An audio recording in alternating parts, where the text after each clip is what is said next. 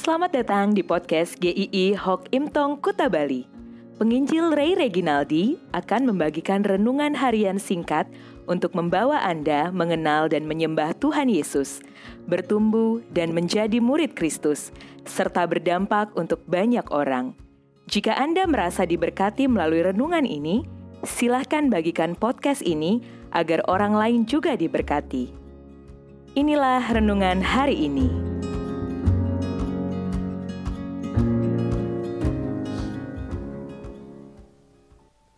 Pujilah Tuhan.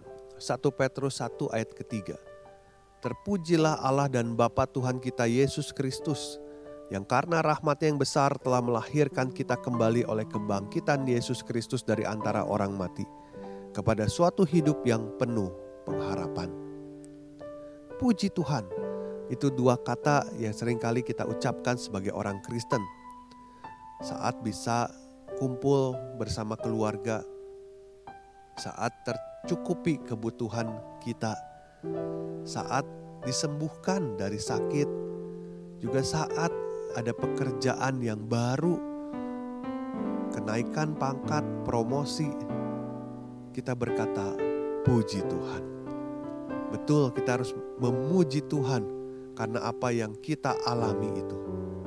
Namun, hari ini perlu melihat apa yang menjadi alasan Petrus berkata, "Puji Tuhan." Dia berkata, "Terpujilah Allah dan Bapa Tuhan kita, Yesus Kristus."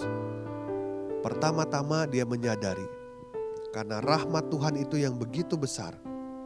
Kalau di dalam terjemahan King James Version adalah rahmat Tuhan yang berlimpah-limpah.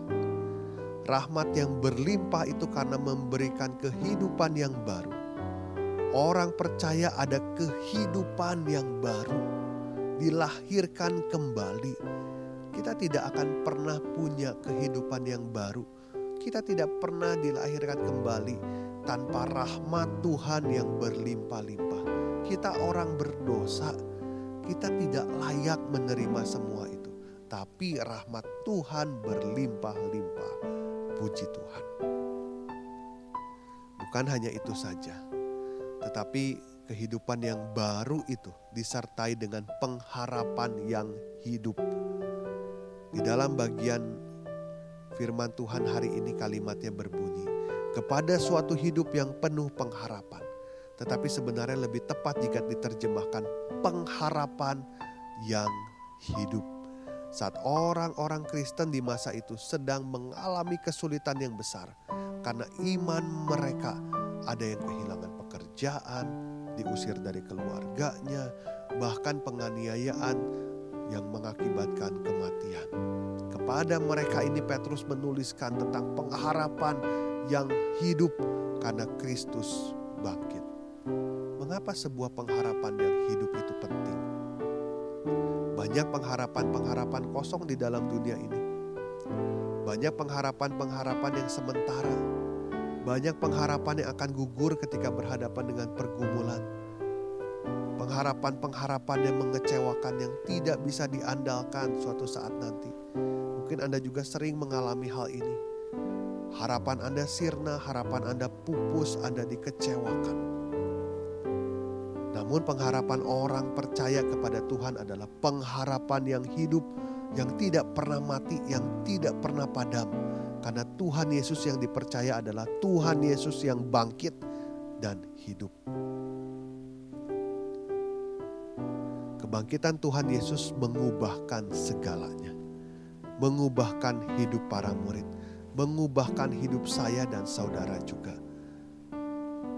Saudara-saudara, kalau Tuhan Yesus tidak pernah bangkit, maka kita tidak akan pernah punya kehidupan yang baru.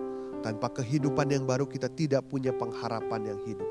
Tanpa pengharapan yang hidup kita akan selalu hidup dalam kekhawatiran, ketakutan dan ketidakpastian dan hidup kita pun akan berakhir dalam kebinasaan yang mengerikan. Tetapi syukur kepada Allah karena kita percaya kepada Allah yang hidup.